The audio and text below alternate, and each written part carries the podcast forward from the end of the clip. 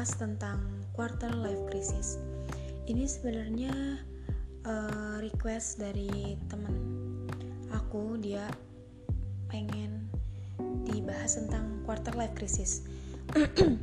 Jujur aku sendiri belum terlalu menguasai apa itu quarter life crisis, tapi secara singkatnya, menurut uh, pengertian aku, quarter life crisis ini kayak suatu hal uh, kendala yang dialami di range usia 20 sampai 30 tahun.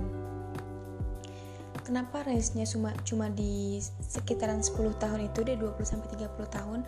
Karena di masa itu adalah masa penentuan kita untuk mengambil jalan ke depannya akan seperti apa. Startnya itu dimulai di sini karena di usia sekitar situ kita benar-benar baru selesai menyelesaikan jenjang pendidikan kita rata-rata pada umumnya kan di usia segitu.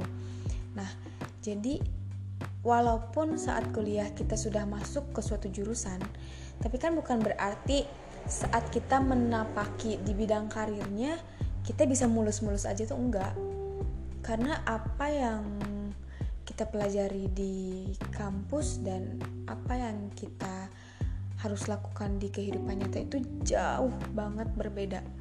Benar-benar jauh, berbeda, jauh berbeda apalagi di masalah adaptasi.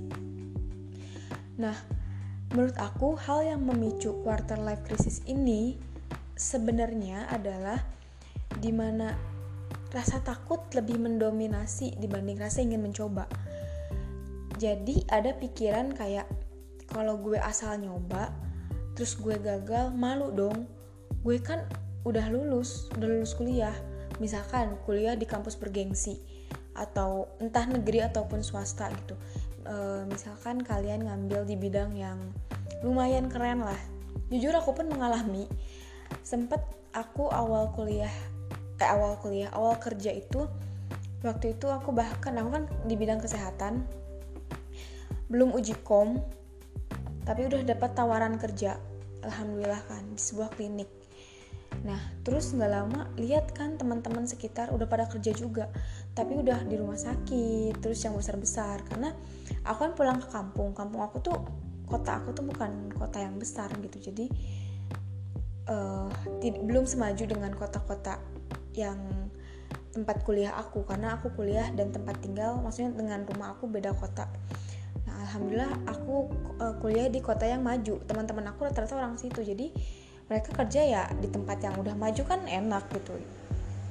Terus aku kayak cuma di tempat kecil sempat ada rasa minder tapi ya udah jalani.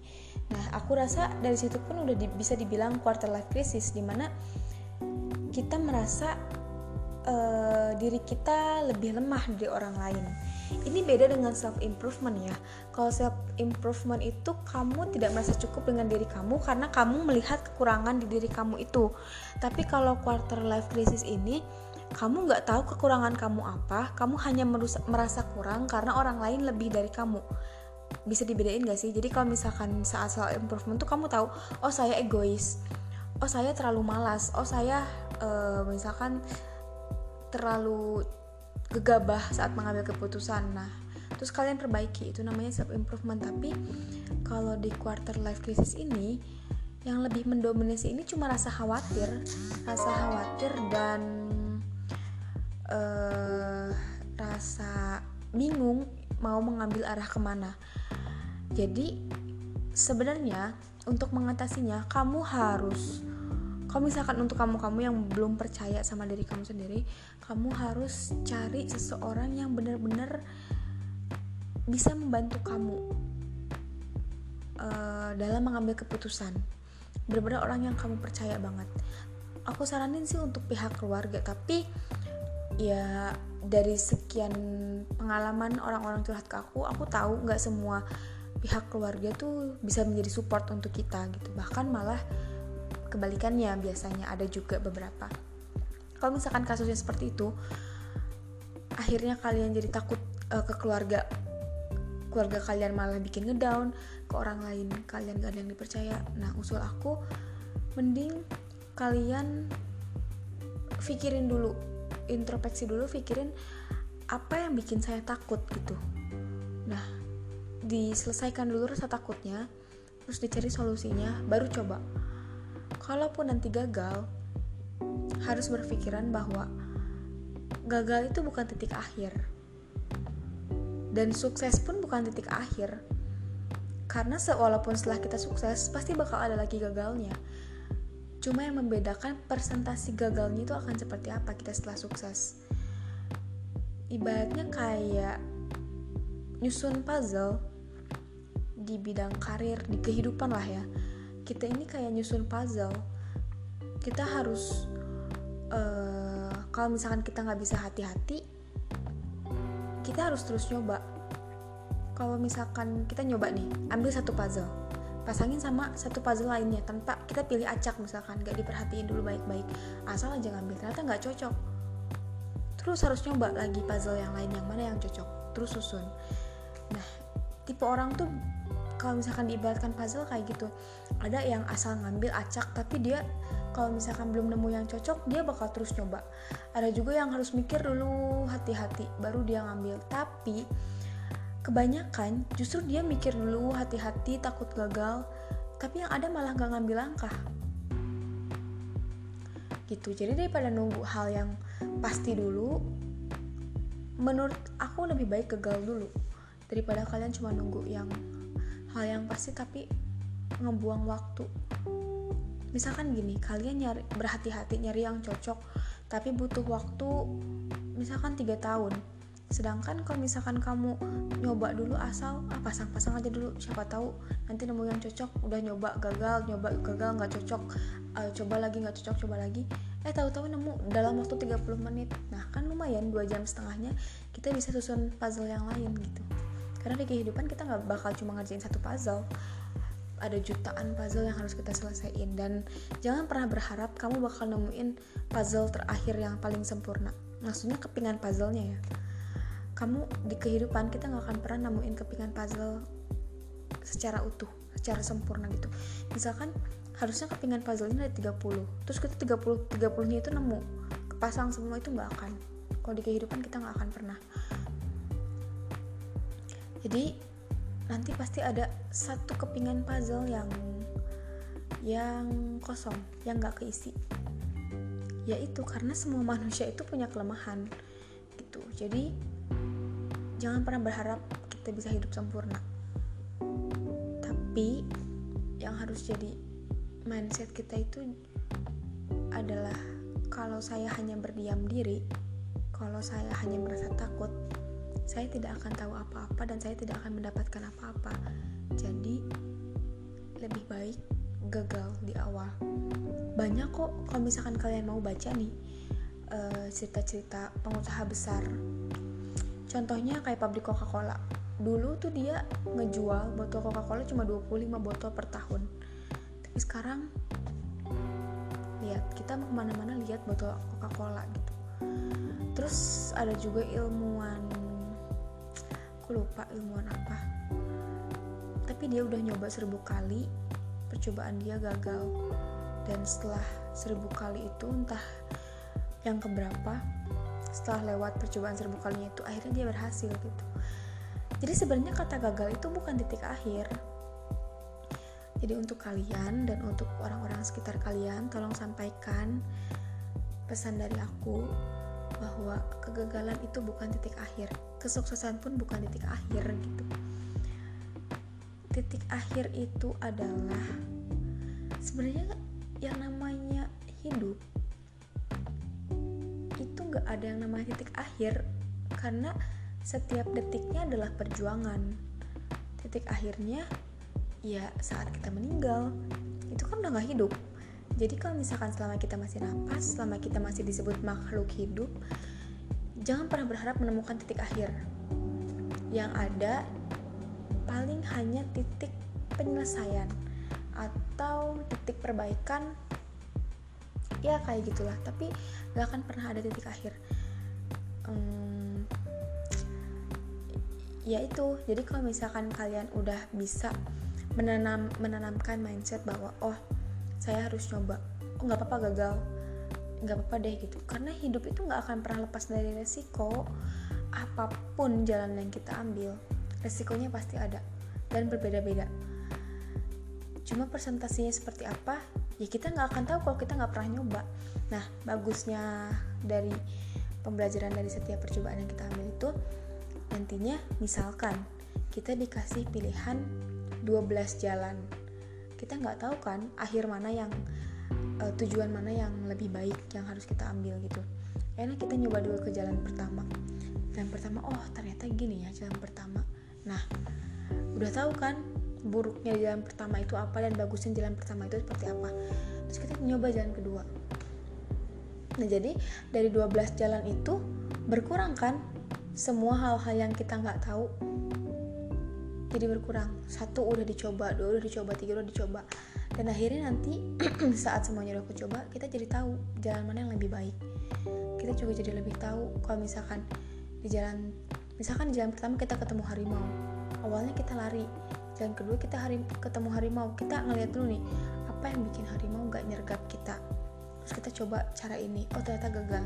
Di jalan ketiga kita ketemu lagi harimau. Uh, lari malah dikejar terus nyoba pakai cara ini ternyata nggak ngefek dia nggak kabur nyoba lagi cara lain. Oh nggak ngefek juga. Nah kayak gitu hidup tuh kayak gitu. Jadi setiap kegagalannya itu kayak pelengkap untuk kita maju ke jalan yang baru. Jadi di saat kita ngambil jalan baru kita udah tahu nih oh saya nggak boleh gini nih karena kemarin saya gagal karena ini. Nah itu pentingnya. Jadi semakin kita tahu apa yang menyebabkan kita gagal semakin kita dekat dengan kesuksesan. Kalaupun nanti setelah sukses masih ada kegagalan kan gak separah kegagalan sebelumnya gitu. Kalaupun masih parah itu tandanya ada kesuksesan yang lebih besar lagi. Karena kegagalan sebesar-besaran kegagalan itu nggak akan lebih besar dari kesuksesan yang kesuksesan yang bakal kita dapat nanti di masa depan. Aku selalu yakin aku selalu yakin bahwa kegagalan tidak akan pernah lebih besar daripada kesuksesan. Selama kita mau belajar dari kegagalan itu kita mau berhati-hati kita mau introspeksi. Jadi untuk kita semua yang lagi di range usia 20 sampai 30 yang masih mengalami quarter life crisis merasa bingung, merasa takut aku saranin kalau misalkan memang kalian merasa butuh untuk ditemani, didampingi oleh orang sekitar, entah keluarga, sahabat, atau siapa pun, coba cari coba analisis. Tapi jangan langsung menceritakan bahwa tujuan kamu bla bla bla. Aku saranin jangan pernah menceritakan tujuan hidup kita yang secara detail ke orang lain. Karena kita nggak tahu uh, seseorang ini bakal tetap menjadi dia yang sekarang atau enggak. Manusia gampang berubah. Jadi tolong hati-hati sama manusia dengan siapa pun itu. Terus uh, kalau misalkan ternyata nggak ketemu nih orang yang cocok ya udah. Mau nggak mau kalian harus bergantung sama diri kalian sendiri. Karena yang paling ngerti dari kalian ya cuma kalian dan Allah gitu. Curhatnya cukup sama Allah lagi aja udah. Balik lagi sama Allah. Biar dibimbing juga. Nah jadi ya udah. Berarti intinya saran dari aku uh, untuk menangani quarter life crisis ini oh dan satu hal lagi. Jangan pernah ngeliat bahwa orang lain lebih sukses dari kamu. Karena kok orang lain umur segini udah sukses sedangkan gue masih gini-gini aja. Ini sebenarnya self reminder juga buat aku karena aku masih sering mikir kayak ya ampun padahal teman-teman gue IPK-nya lebih kecil dari gue tapi kerjanya gini gini gini. Sedangkan gue IPK segini kok dia cuma di sini?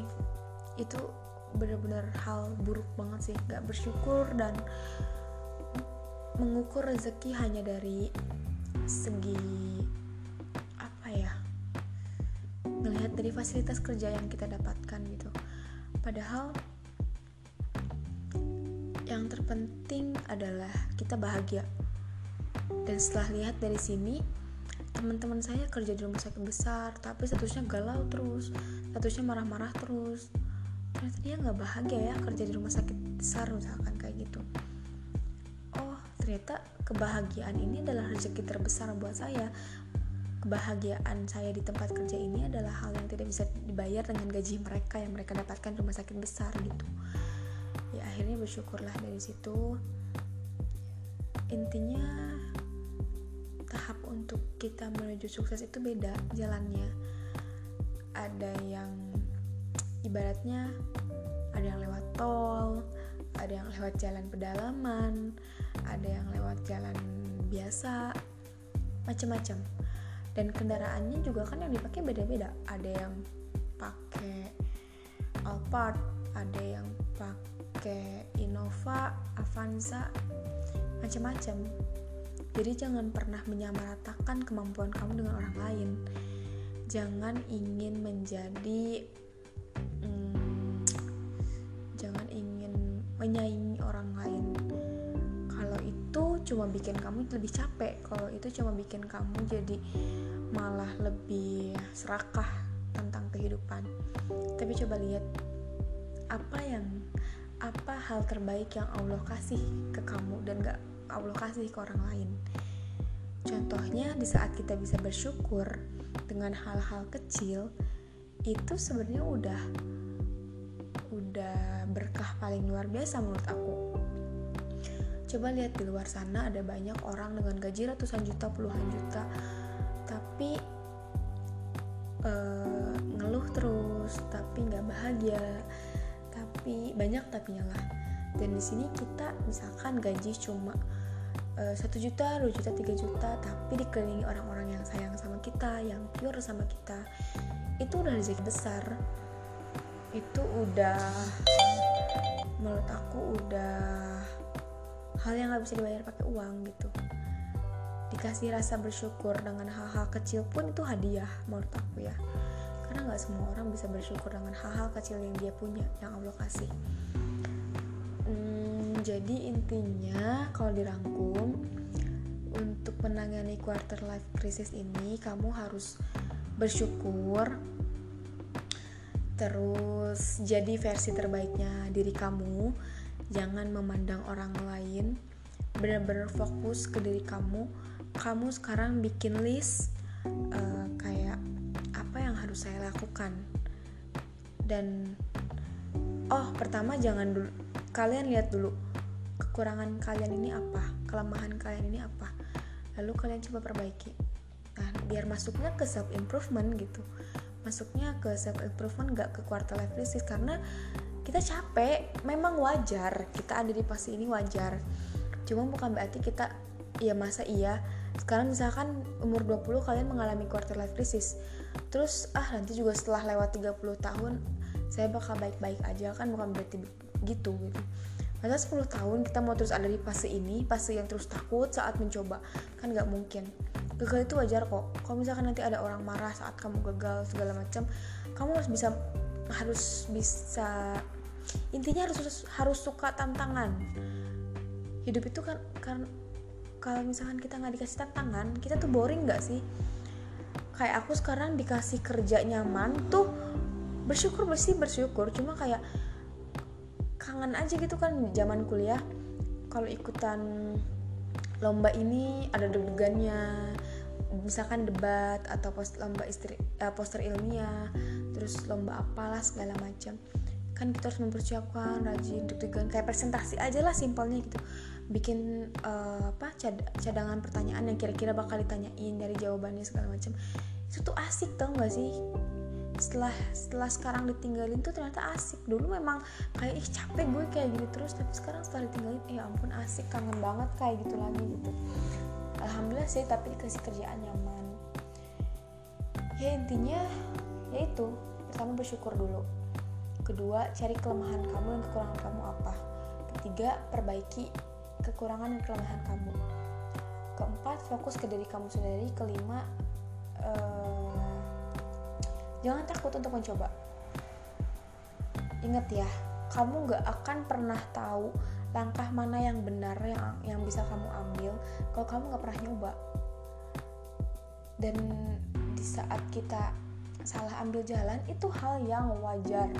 Wajar banget. Bahkan saat kamu gagal segagal-gagalnya pun ya gimana? Itu namanya hidup gitu misalkan kamu dibilang kamu tuh ceroboh gini gini gini. Ya memang iya kan? Kita gagal karena kita ceroboh. Kenapa kita ceroboh? Karena kita nggak tahu mana yang baik dan mana yang buruk.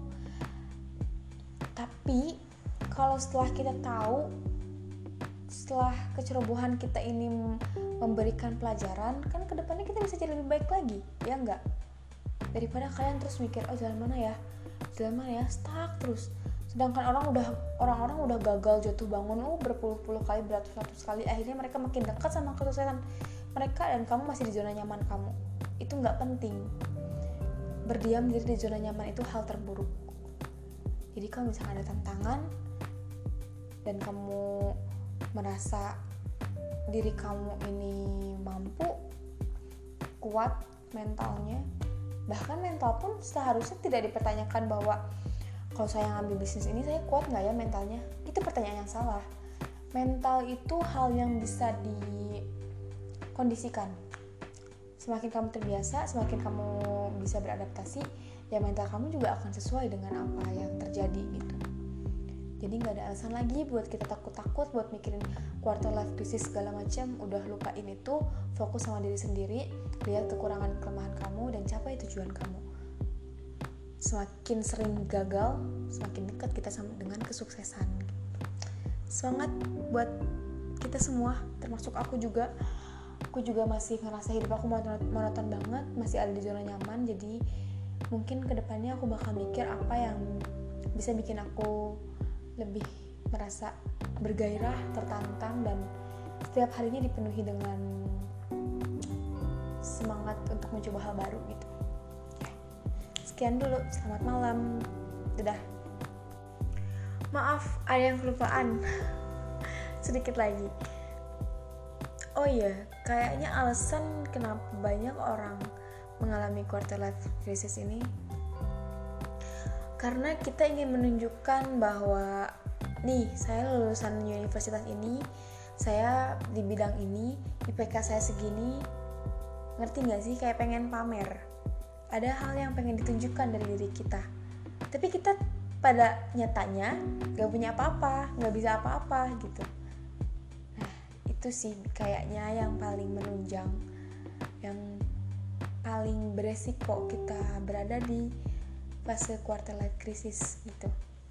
Menurut aku sih itu. Jadi selain yang lima tadi berarti apa aja sih? Aku juga lupa lagi. Bersyukur fokus dengan diri sendiri uh, lihat kekurangan dan kelemahan kita perbaiki kekurangan dan kelemahan kita terus apa lagi tadi satu lagi aku lupa ya pokoknya yang tadi aku sebutin dan ditambah jangan mau pamer karena kalau kalian udah sukses, tanpa kalian pamerkan pun orang lain bakal tahu.